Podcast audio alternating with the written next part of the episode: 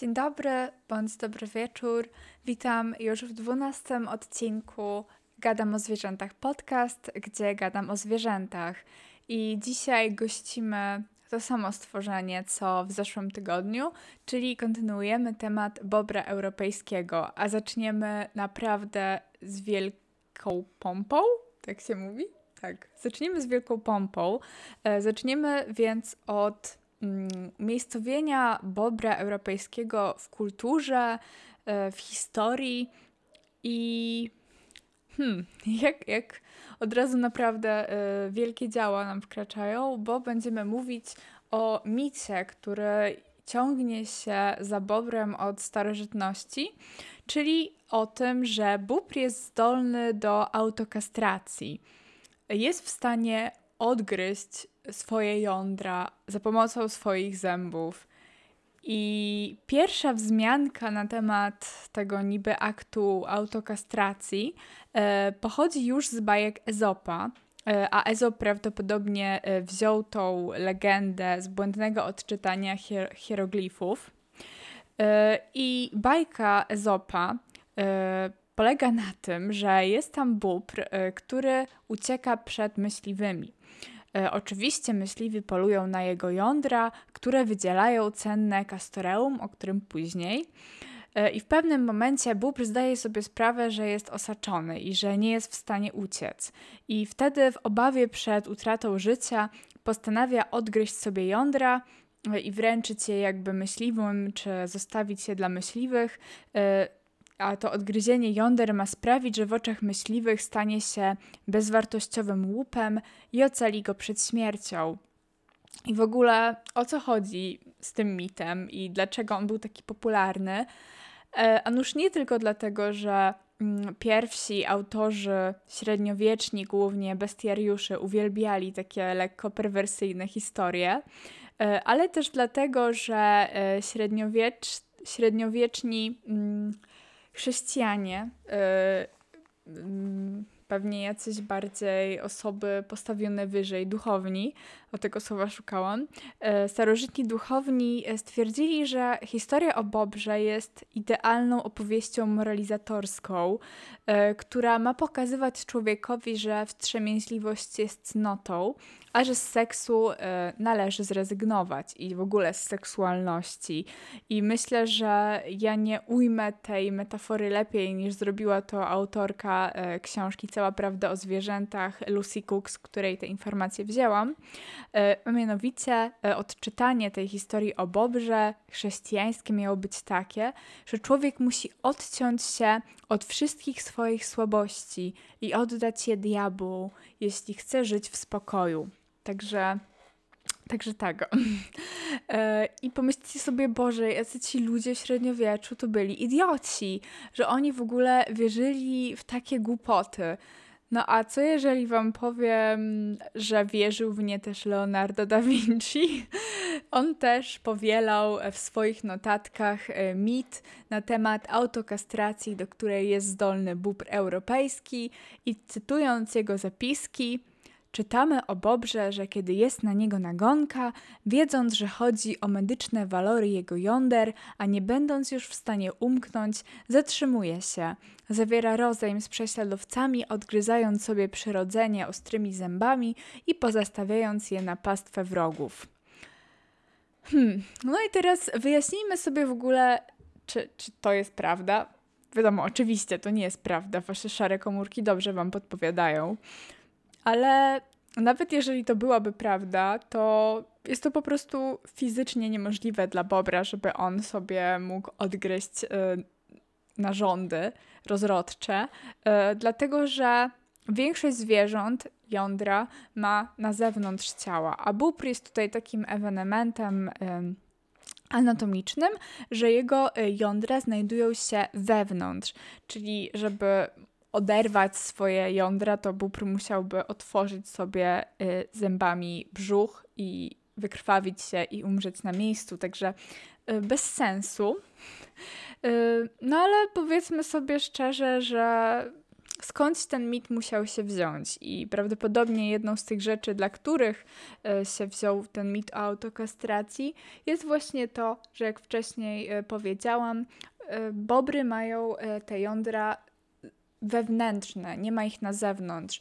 Więc jeżeli taki człowiek sobie zobaczył bobra i spojrzał mu pod spód i zobaczył, że nie ma tam żadnych jąder, to stwierdził, że aha, ten bóbr musi już być wykastrowany. No i ułożył sobie e, człowiek jakoś dalej historyjkę, na przykład na temat autokastracji. E, I teraz troszkę e, o nazwie bobra jeszcze wrócimy, gdyż łacińska nazwa bobra to możliwe, że część z Was wie, castor. I tutaj może właśnie się kojarzyć czasownik kastrować. I um, jeżeli Wam się tak skojarzyło, to jesteście na tej samej pozycji co XVII-wieczny e, arcybiskup e, Sewilli, piszący e, swoją encyklopedię. On też zrobił tutaj taką kolokację pomiędzy nazwą łacińską Bobra Castor a kastracją, ale był w błędzie, dlatego że łacińska nazwa bobra pochodzi jednak od słowa casturi, e, co w sanskrycie oznacza piżmo. I jeszcze jakby jest jeszcze jakby jeden powód, dla którego mogła powstać taka legenda o autokastracji bobra, a mianowicie dlatego, że większość zwierząt, które posiadają e, gruczoły zapachowe przy odbycie, e, to mają ich po prostu jedną parę. A bóbr znowu tutaj taki anatomiczny ewenement ma aż dwie pary gruczołów zapachowych, e, które są wielkości gęsich jaj i rzeczywiście przypominają w wyglądzie jądra. Mm, I to, co jest, e, właśnie tutaj mamy kolejne dziwne interpretacje i wnioski, do których e, doszli dawniej ludzie, że właśnie te podwójne te dwie pary gruczołów e, zapachowych mają zarówno samce bobra, jak i samice, e, więc wcześniej ludzie brali samice bobrów za hemafrodytów e, lub za zmutowane samce posiadające dziwaczny zestaw czterech jąder. Także naprawdę dziwne wnioski na temat bobrów wysuwano. I jeszcze jakby podsumowując tą historyjkę o autokastracji bobrów, Mamy w języku polskim e, takie przysłowie, taki wyraz, wyrażenie frazeologiczne płakać się jak bóbr albo spłakać się jak bóbr. I Narodowe Centrum e, Kultury podaje właśnie mm, jako źródło tej, tego wyrażenia historyjkę o autokastracji, że wyobrażano sobie, że Bóbr tak bardzo płakał i żałował swoich jąder e, po tej autokastracji, no że aż musieli stworzyć oddzielne tutaj określenie płakać jak Bóbr, czyli bardzo mocno, rzewnymi łzami, głośno i tak dalej. E, to jest takie jakby jedno z wyjaśnień. Ja mogę dodać jeszcze swoje. Nie wiem na ile one są prawdopodobne, mi się wydają dość prawdopodobne, bo w poprzednim odcinku powiedziałam, że bobry też wydają różne głosy i młode bobry właśnie wyda wydają z siebie taki dźwięk, który przypomina kwilenie dziecka, więc może to też jest źródło tego, tego frazeologizmu. I też znalazłam. Yy, na którejś ze stron informację, ale raczej ja bym w nią nie wierzyła, bo brzmi dziwnie, e, że bobry w obliczu stresu zaczynają płakać. To znaczy, że po prostu im mm, łzawieją oczy, no ale jakoś tak średnio w to wierzę. No ale jeżeli byłaby to prawda, no to być może to też mógłby być, mogło być jedno z prawdopodobnych źródeł e, tego frazeologizmu. E, no ale okej, okay, to nie jest koniec e, plotek i dziwnych wniosków na temat e, bobrów europejskich i jedziemy dalej. Bo mamy tutaj w starożytności kolejnego fana bobrów, Pliniusz Starszy, który w swoim dziele Naturalis Histo Naturalis Historiae e, nie wspomniał tylko o tej rzekomej autokastracji, ale też o ostrych niczym nóż zębach i ogonie podobnym do ogona ryby. I teraz wyobraźcie sobie, że jesteście człowiekiem, e, który bierze taką, taki bestiariusz, taką encyklopedię do rąk i czyta tam o stworzeniu, e, które jest niby ssakiem, bo chodzi po lądzie, ale ma rybi ogon i dodatkowo ma ostre po prostu jak nóż zębiska, którymi jest w stanie w obliczu zagrożenia sobie odciąć jądra. jądra. No to tak Boże, ja bym się bała. Naprawdę po prostu e, czytanie takiej encyklopedii to po prostu byłoby jak czytanie jakiejś książki po prostu o demonach. E, no ale okej, okay, lecimy dalej. E, dalej pojawia nam się grecki medyk e, Pedanios Dioskurydes, e, który w swoim dziele De Materia Medica opisał różne liczne zastosowania castoreum. Castoreum jest to żółtawa wydzielina gruczołów skórnych bobra, która, o której będziemy dzisiaj też stosunkowo dużo mówić. No i on napisał, że castoreum to jest po prostu lek na wszystko, lek na całe zło, po prostu magiczne panaceum. I inni ludzie też później ten mit powielali. Na przykład XVII-wieczny angielski duchowny i przyrodnik Edward Topsell uważał, że castoreum również leczy wszystko, od bólu zęba aż po wzdęcia. A żeby wyleczyć taki ból zęba, wystarczyło e, wlać ciepłe castoreum do odpowiedniego ucha. Także nie wiem, czy ja bym się zgodziła na taką mm, terapię, na taki zabieg. E, i dodatkowo castoreum głównie e, było stosowane w leczeniu wszelakich przypadłości kobiecych, czyli tutaj ujawnia nam się ta średniowieczna i nie tylko, bo też mówimy o XVII wieku, e, obsesja na punkcie e, składników falicznych. Powiedzmy, że to castoreum, które pochodzi od gruczołów, które znajdują się przy odbycie bobra, to też zalicza się do tych składników falicznych, więc po prostu stwierdzono, że e, to, co kobiecie potrzeba, niezależnie od jej choroby, to jest coś falicznego. Masakra. No a w tym wypadku y, piszą nam różni autorzy, y, że Bobrze Castoreum podobno potrafiło zablokować działanie kobiecych narządów rozrodczych. E, podobno nawet Rzymianie palili Castoreum w lampach, żeby wywołać poronienie, a Topsel napisał, że perfuma wytwarzana z Castoreum, odchodów i świńskiego łoju otwiera zamknięte łono. Także już chyba lepiej zostać zamkniętym łojem niż, e, niż takie rzeczy na siebie kłaść. a niektórzy tak bardzo wierzyli w to, że to kastereum ma jakieś y, właściwości proporonne, y, że wystarczyło, żeby ciężarna kobieta przeszła nad bobrem. Jakby nieważne, czy ten bóbr jest żywy, martwy, nieważne.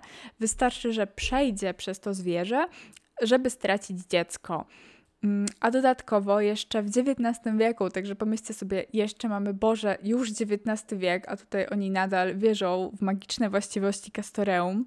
E, amerykański lekarz John Eberle promował castoreum jako lek dla kobiet na histerię. I oczywiście histeria to jest e, wymyślona choroba, pod którą szufladkowano wszystkie kobiece przypadłości i choroby, od schizofrenii po depresję, po problemy ginekologiczne. I wyobraźcie sobie, że jeszcze w XIX wieku na to wszystko przepisywano, kurde, wydzielinę gruczołów skórnych bobra, która dla sprostowania nie ma stwierdzonych, udowodnionych żadnych właściwości leczniczych. I pomyślicie sobie, wow, dobrze, że jesteśmy w XXI wieku i już skończyła się ta obsesja na punkcie Castoreum i chciałabym, żeby się skończyła, ale kastoreum nadal jest e, stosowane w wielu różnych produktach. Na przykład od 80 lat kastoreum używany jest jako naturalny aromat waniliowy od babeczek po lody. Więc jeżeli w czasie tego podcastu właśnie jecie budyń waniliowy, to przepraszam. I to, co jest najlepsze, to to, że tak naprawdę producenci, którzy używają castoreum w swoich produktach spożywczych, nie muszą pisać, że jest to castoreum, bo wystarczy, że napiszą, że jest to e, naturalny aromat waniliowy i where's the Lido? e, ale spokojnie, nie, pa, nie panikujcie, nie wyrzucajcie aromatów waniliowych z szafek kuchennych. E, nie jest to za często stosowany składnik, na pewno nie w Polsce, gdzie bobry są y, chronione.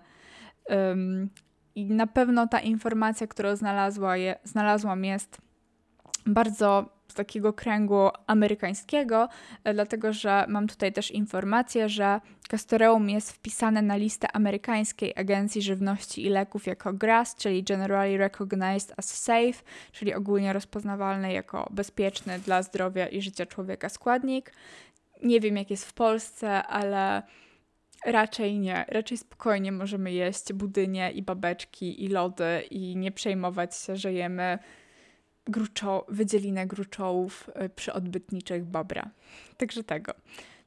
No i może teraz taka troszkę mniej obrzydliwa rzecz, y, że Castoreum nadal jest obecne y, w klasycznych perfumach, w wielu różnych perfumach, na przykład Givenchy 3, nie wiem dokładnie jak to się czyta. I podobno znaczy wiadomo jest, że ogólnie w takich klasycznych, drogich, ekskluzywnych perfumach używa się często y, jakiegoś y, zwierzęcego, zwierzęcy pomost, tak to się nazywa, czyli właśnie castoreum, na przykład y, piżmo, na przykład ambra. Podobno jest to bardzo ważny składnik perfum, bo gdyby nie ten pomost zwierzęcy, y, który właśnie łączy olejki jakieś eteryczne, roślinne z ludzką skórą, to efekt perfum byłby taki, jakbyśmy spryskali się odświeżaczem powietrza. Yy, ale spokojnie, Castoreum nie jest takie straszne, jak się wydaje, dlatego że w rzeczywistości pachnie nawet spoko, no bo jest jego zapach jest uzależniony od diety bobra. A że bóbr zjada dużo roślin, to często roślin, które ładnie pachną, no to castoreum też zawiera w sobie bardzo dużo składników roślinnych i zazwyczaj będzie miało jakiś roślinny zapach. Y, I to też warto tutaj wspomnieć, że jako że dieta każdego bobra jest unikatowa i różni się chociaż w jakimś malutkim stopniu, no to zapach castoreum każdego bobra jest unikatowy, jest niczym nasze odciski palców i funkcjonuje w bobrzym świecie jak dowód osobisty. I E, to nie jest jeszcze koniec e, naszego roller, coastera z dziwnymi mitami i legendami na temat bobrów, bo kiedy już powiedzmy bóbr europejski zaczynał być bardziej poznawany przez biologów i naukowców um, i to się tak naprawdę trochę znudził, szczególnie, że zaczęli go tam powoli wybijać, w ogóle traciliśmy populację, no ale wtedy E, w XV wieku odkryto nowy świat, a w nowym świecie odkryto bobra kanadyjskiego. I w praktyce, ani w zachowaniu, ani w wyglądzie bóbr europejski i kanadyjski się jakoś od siebie drastycznie nie różnią, ale dla odkrywców, dla podróżników to było po prostu jak objawienie, jak znalezienie świętego grala. I zaczęły się tworzyć naprawdę dziwne i straszne mity na temat bobrów kanadyjskich, a mianowicie uznano, że bobry kanadyjskie y, założyły, są w stanie założyć i utrzymywać demokratyczną republikę. Także ja naprawdę nie wiem, kto tam pojechał do tego, do tej dżungli na Nowego Świata i stwierdził, że zobaczył na własne oczy bobry budujące wspólnie niczym robotnicy w socjalizmie Tamy i Żeremia, podające sobie z łapki do łapki drzewo i, i tworzące w ogóle jakąś y, strukturalną, y, jakieś strukturalne społeczeństwo i ludzie naprawdę w to wierzyli. Jakby autentycznie ludzie o tym pisali y, w bestiariuszach czyli w takich współczesnych encyklopediach przyrodniczych. Y, I mamy tutaj opis hrabiego Buffona. Ogólnie to jest taki koleś, który pisał głupoty na temat różnych zwierząt. I on pisał tak. W tym społeczeństwie, choć licznym, utrzymywany jest powszechny pokój. Przypominam, mówimy o bobrach. Harmonię cementuje wspólna praca. Ciągły cel nadają jej powszechne korzyści oraz obfite zapasy, które bobry gromadzą i spożywają wspólnie. Umiarkowane apetyty, proste upodobania, awersja wobec rozlewu krwi i rzezi wszystko to powoduje, że dalekie są od idei grabieży i wojny. Radują się każdym możliwym dobrem, podczas gdy człowiek potrafi tylko pożądać. Więc tak jakby wyobrażacie sobie, że oni, ludzie, naprawdę myśleli, że bobry tworzą własne społeczeństwo, które jest w ogóle jakieś superior i lepsze od naszego ludzkiego, i że my mamy e, brać przykład znowu od bobrów. Jakby co? e, po prostu aż mi oczy wychodzą z orbit i mimo, że ja, ja już trawię to in, tą informację od, od miesiąca ponad, to, to nadal jakby mówię o tym z, równą, z równym szokiem. I uwierzcie mi, że to serio jest prawda, że mamy takiego faceta, który nazywał się Nicolas de Ferra i on żył na przełomie XVII i XVIII wieku i on tworzył mapę Nowego Świata i na jednej z tych map on narysował tą właśnie republikę demokratyczną Bobrów i tutaj po prostu teraz jak wam o tym mówię, to trzymam książkę w rękach z tą ilustracją i widzę na niej po prostu szereg bobrów i każdy z tych bobrów pełni oddzielną funkcję w społeczeństwie i konkretną rolę przy budowie tamy bądź żeremi, a na dodatek e, człowiek ten e, tutaj dodał do tej mapy taką małą legendę i zaznaczył, jaką funkcję pełni dany bóbr na rysunku. Także to jest legitne i przerażające. A jeszcze najlepsze jest to, że przecież ci ludzie mogli na własne oczy oglądać zachowanie bobrów europejskich i ludzie uznawali, że bobry europejskie to w ogóle jakieś nudne, nic nie robią, e, w ogóle tylko przeszkadzają, a bobry kanadyjskie to jest to. One tam tworzą nowe utopie. Także widzicie, to można powiedzieć, jak my mówimy, że nie wiem, nie wiem co my mówimy, po angielsku jest the green, the grass is always greener on the other side, to my możemy teraz zacząć mówić, że bobry są zawsze lepsze po drugiej stronie e, oceanu. I jeszcze domykając tak naprawdę ten temat bobrzej, bobrzej relacji z ludzką kulturą i historią i jakimiś wierzeniami, e, to jeszcze znalazłam takie niestety drobne informacje w polskiej Wikipedii. Próbowałam doszukać się więcej na ten temat, ale niestety nie udało mi się. Y, że na przykład Chętowie i Mansowie były, co to ludy urgofińskie, które zamieszkiwały zachodnią Syberię, wierzyły, że bobry posiadają duszę, a starożytne ludy, takie jak Germanowie, Finowie i Norwegowie, traktowali bobra jako zwierzę ofiarne. Mm, a jeszcze to coś, co ciekawego, co potwierdzają um, wykopaliska archeologiczne, że ludy pierwotne używały siekaczy bobrów do wyrobu amuletów i ogólnie jakichś ozdób, y, dekoracji i biżuterii. I właśnie przy wykopaliskach y, grobów archeologicznych widziano po prostu, odkryto, że y, ludzie byli chowani właśnie na szyi z jakimiś no oni stwierdzili, że są to amulety, bo jednak jeżeli z kimś, z czymś um, chowamy daną osobę, no to musi mieć to jakiś e, ważny cel, jakiś związek z jakimś życiem pozagrobowym, z jakąś magią, z jakimiś wierzeniami. I właśnie znaleziono, y, że mm, te szkielety miały na sobie y, właśnie amulet zrobiony z siekacza bobrów. I teraz chciałabym przejść do Myślę też, że to jest bardzo ważny temat, y, czyli ochrona bobrów i takie ogólnie, dlaczego bobry są ważne, dlaczego w ogóle chronimy bobry, o co chodzi z tymi bobrami, bo i po prostu jest taki ogromny hejt na bobry. Ja wiem, że część jakby nienawiści, która mm, jest wymierzona w bobry. To jest takie trochę ironiczne i takie hehe, takie trochę dla śmiechu, ale myślę, że niektóre osoby tak naprawdę legitnie nienawidzą bobrów, e, no bo wiadomo, bo na przykład, nie wiem, obgryzły drzewo i przewróciły je i ono leży na ścieżce rowerowej i im, nie wiem, przeszkodziło w dojeździe do domu, pracy. No nie wiem, bobry mogą nam przeszkadzać w naszym codziennym życiu, ale mam nadzieję, że po tym, co teraz powiem, może te osoby zmienią troszkę swój stosunek do bobrów. Mm, ogólnie historycznie mm, bóbr europejski w Polsce wyginął e, całkowicie na początku XIX wieku. E, no ale na szczęście e, był on z sukcesem reintrodukowany. No jeszcze tak na marginesie,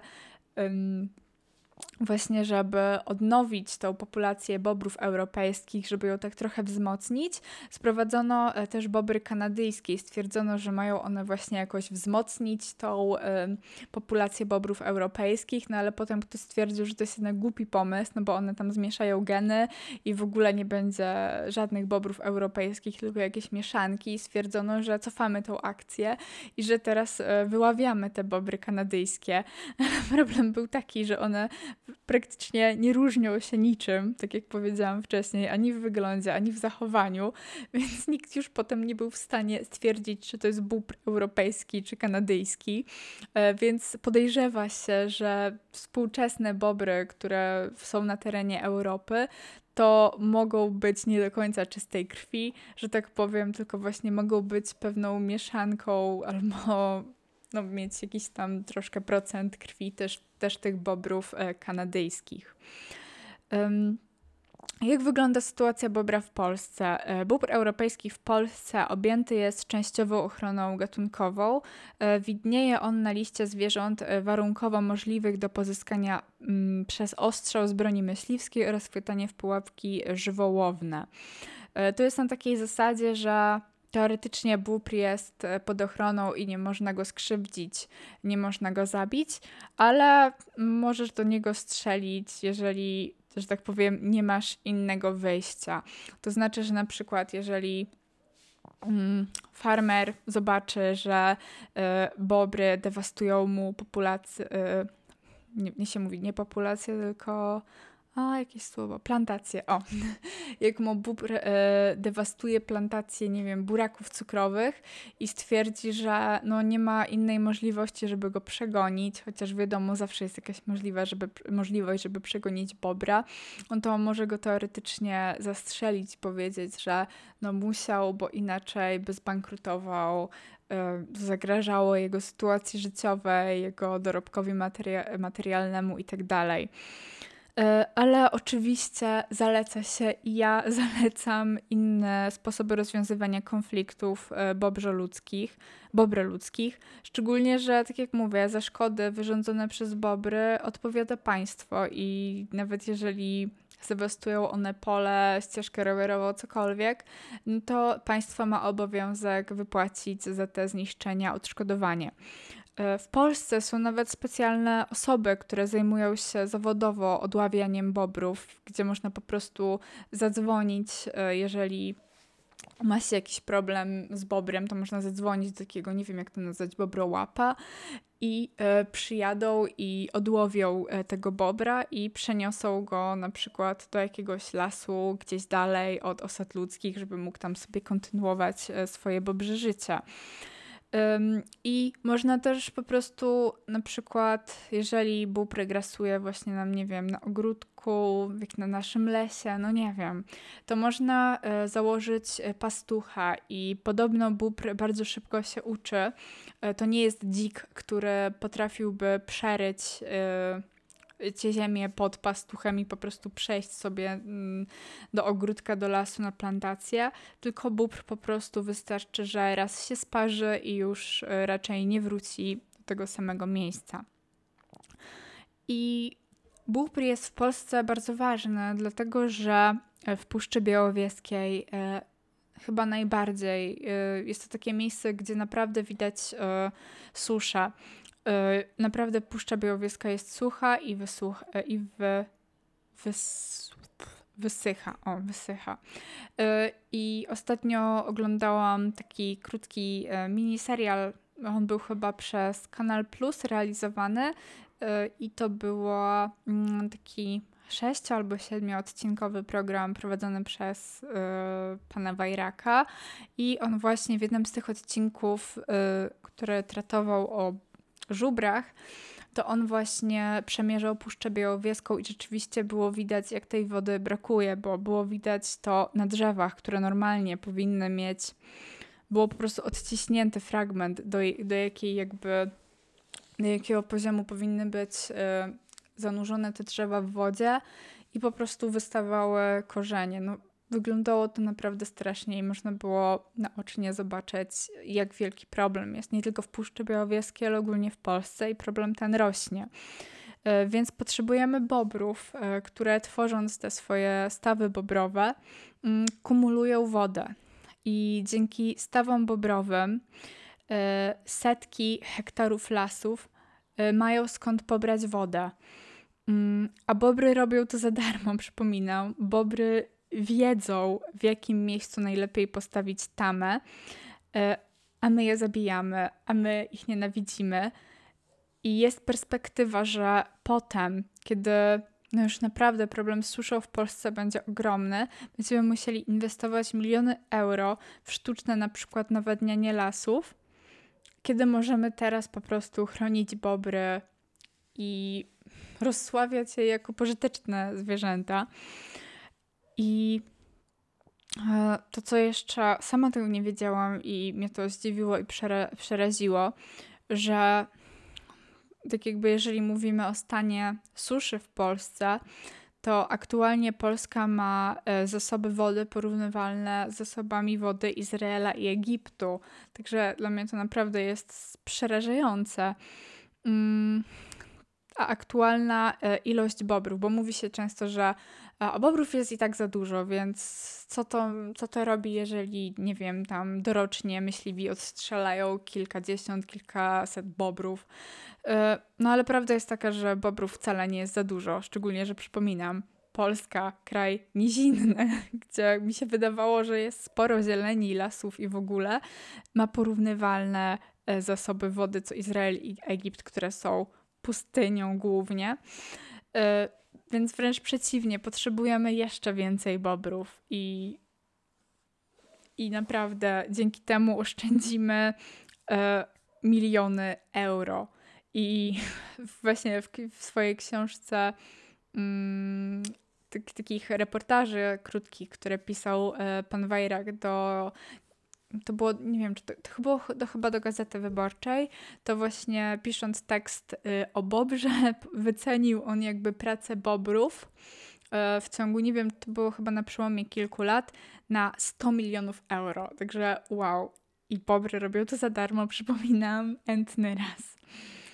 I okej, okay, powiem szczerze, że przed rozpoczęciem tego podcastu, przed researchem, lubiłam bobry, ale miałam do nich taki, bym powiedziała, dość neutralny stosunek, a teraz po zrobieniu tego researchu i to pewnie słychać, e, jak słuchacie sobie teraz tego podcastu, to po prostu wyrosłam na jakąś adwokatkę bobrów i, i ogromną ich sympatyczkę, także naprawdę to nie są jakby moje subiektywne opinie, to po prostu jest moja zmiana poglądu wynikająca y, z informacji, które przyswoiłam. E, ale jeszcze chciałabym tutaj powiedzieć troszkę o e, historycznie ochronie bobrów i dlaczego bobry wyginęły i dlaczego były zagrożone. Dlatego, że na bobry polowano i na bobry polowano e, i na bobry polowano z wielu powodów, między innymi ze względu na futro i podobno czapki z bobra sprzedawano nawet do Egiptu, bo kojarzono te zwierzęta z mądrością, więc wszyscy chcieli e, nosić jakby na głowie mądre zwierzę. E, polowano na bobry oczywiście ze względu na mięso, no i na rzekome e, właściwości lecznicze castoreum, a także ze względu na właściwości lecznicze tłuszczu bobra, nazywanego skromem bobrowym, który też uważano, że leczy rany. I jako ciekawostka mogę powiedzieć, że w Krzyżakach Sienkiewicza rzeczywiście stosuje się ten tłuszcz bobra w ten sposób, w sensie na rany, E, stosuje go Maćko z Bogdańca i właśnie po to idą polować na bobry e, Zbyszko? Tak, Zbyszko z, z Jagienką podajże Zbyszko z Jagienką. Ja już dawno nie czytałam, nie miałam w ręku tej lektury. Mm, I ze względu oczywiście też na zmianę terenu, na budowę i rozwijanie się miast, bobry po prostu wymierały i powoli zanikały z niektórych miejsc. E, I w krytycznym, najgorszym momencie europejska populacja bobra e, liczyła jedynie około 1200 osobników, także to jest naprawdę mało. E, no ale powiedziałam właśnie, że polowano na bobry ze względu na mięso, ze względu na mięso i dla nas to jest teraz pewnie niewyobrażalne i fuj. Ale mięso bobra ma nawet swoją własną nazwę w języku polskim, czyli bobrzyna.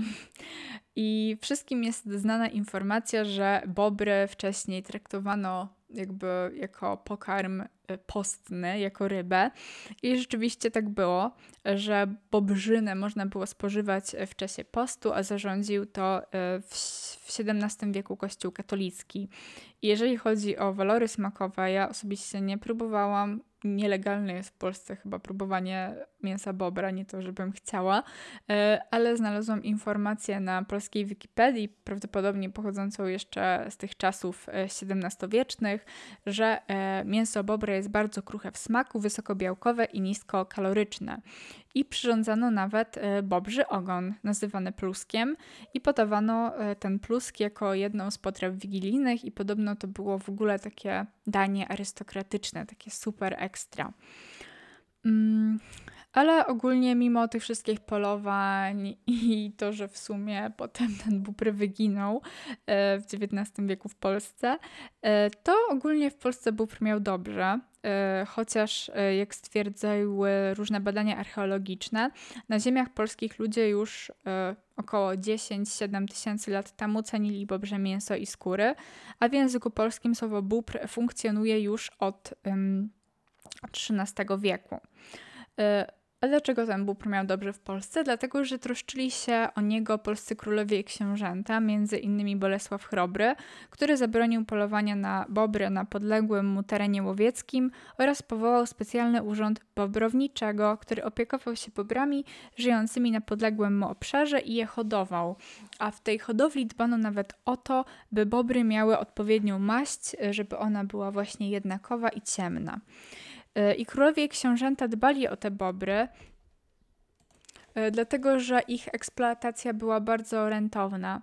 E, dlatego, że skóry miały nawet wartość obiegową, na przykład podatki czy kary płacono nawiązką skór bobrowych.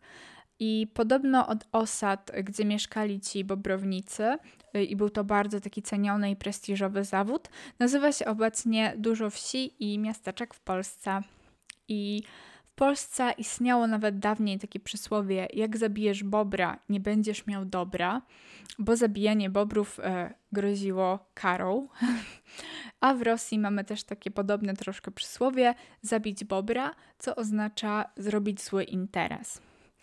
I teraz na koniec chciałabym przedstawić Wam taki troszkę poradnik, jak spotkać bobra, bo zapewne każdy z Was widział chociaż raz w życiu albo żeremia, albo tamę zbudowaną przez bobra, albo charakterystycznie obgryzione przez bobrę drzewa, ale zgaduję, że e, niewielu z Was udało się zobaczyć bobra na żywo.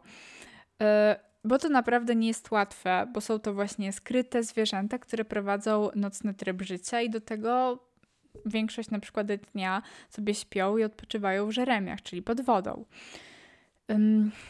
I e, taki, może kilka rad powiem, jak spotkać bobra, jak go zaobserwować w naturze, ale nie obiecuję, że to się uda. E, że bobry oczywiście trzeba szukać ich e, przy rzekach i jeziorach, ale podobno najłatwiej znaleźć jest e, je na Podlasiu, gdyż szacuje się, że żyje ich tam aż 10 tysięcy sztuk. To podobno najwię największe właśnie zgromadzenie bobrów w Polsce. Najlepiej szukać bobra podobno zimą, kiedy jeziora czy rzeki są zamarznięte, więc bóbr chcąc czy nie chcąc musi wyjść na powierzchnię, no dlatego, że nie może siedzieć pod lodem Najlepiej w godzinach popołudniowych, kiedy właśnie też często bobrowi może kończyć się już powoli zmagazynowane na e, zimę żer, pożywienie i wychodzi w poszukiwaniu e, nowego. mm, trzeba szukać właśnie oczywiście też znaków bytowania bobrów. I najlepiej e, szukać właśnie drzew ściętych w ołówek bądź żeremia, ale uwaga, lepiej drzew tych ściętych w ołówek niż żeremia, dlatego że nie wszystkie bobry je budują, w sensie ta żeremia.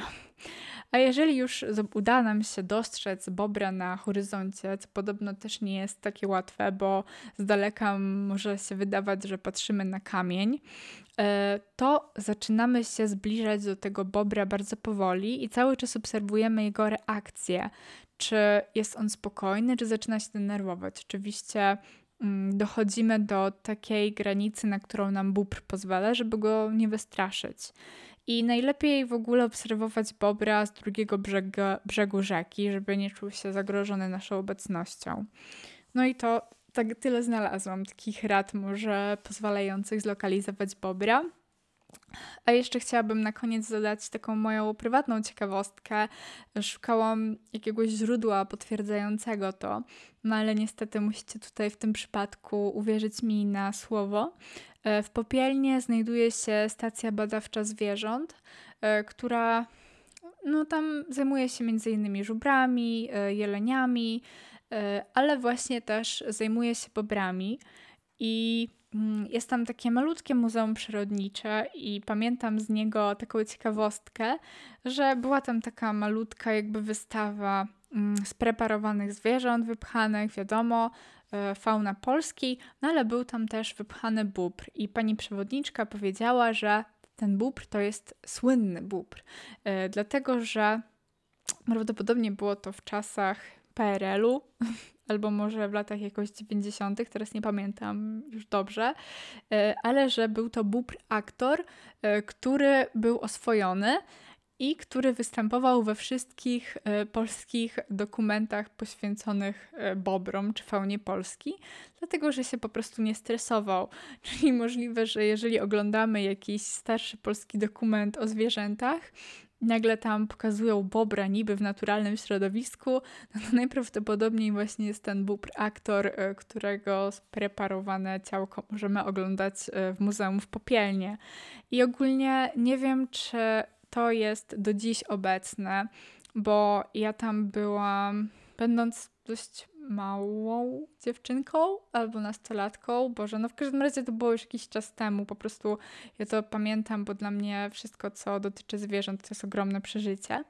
E, I pamiętam właśnie, że oni tam też odchowywali młode bobry i udało nam się po prostu, nie wiem właśnie, czy jakoś ubłagać e, osoby tam pracujące, czy to było w ramach jakby zwiedzania tego ośrodka, że można było e, zerknąć e, właśnie do takiego pomieszczenia, gdzie oni trzymali te małe bobry i zobaczyć małego bobra.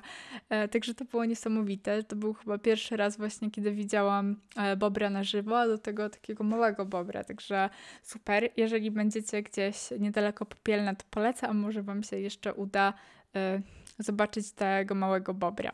A na pewno też e, miło spędzić czas i posłuchać różnych ciekawostek o zwierzętach od e, przewodniczek czy biologów pracujących w tym ośrodku. Na dzisiaj to jest wszystko. E, mam nadzieję, że wyczerpałam temat Bobra, ale że się też nim nie, jakby nie zanudziliście. E, myślę, że już e, w następnym odcinku będzie o innym zwierzątku. Dziękuję, że wytrzymaliście ze mną do końca. Mam nadzieję, że było to dla Was ciekawe. Widzimy się w następnym odcinku i oczywiście please, like, subscribe i tak dalej. Nie lubię się autoreklamować, ale trzeba. Mm, I co? Mm, widzimy się w następnym odcinku. E, oczywiście ze wszystkimi pytaniami, e, jakimiś sugestiami, komentarzami możecie do mnie pisać, czy na Facebooku, na, na fanpage'u, czy na moim mailu gadam o zwierzętach podcast.gmail.com i oczywiście możecie słuchać mojego podcastu na YouTubie i na Spotify'u. I do następnego odcinka, do następnego zwierzaka.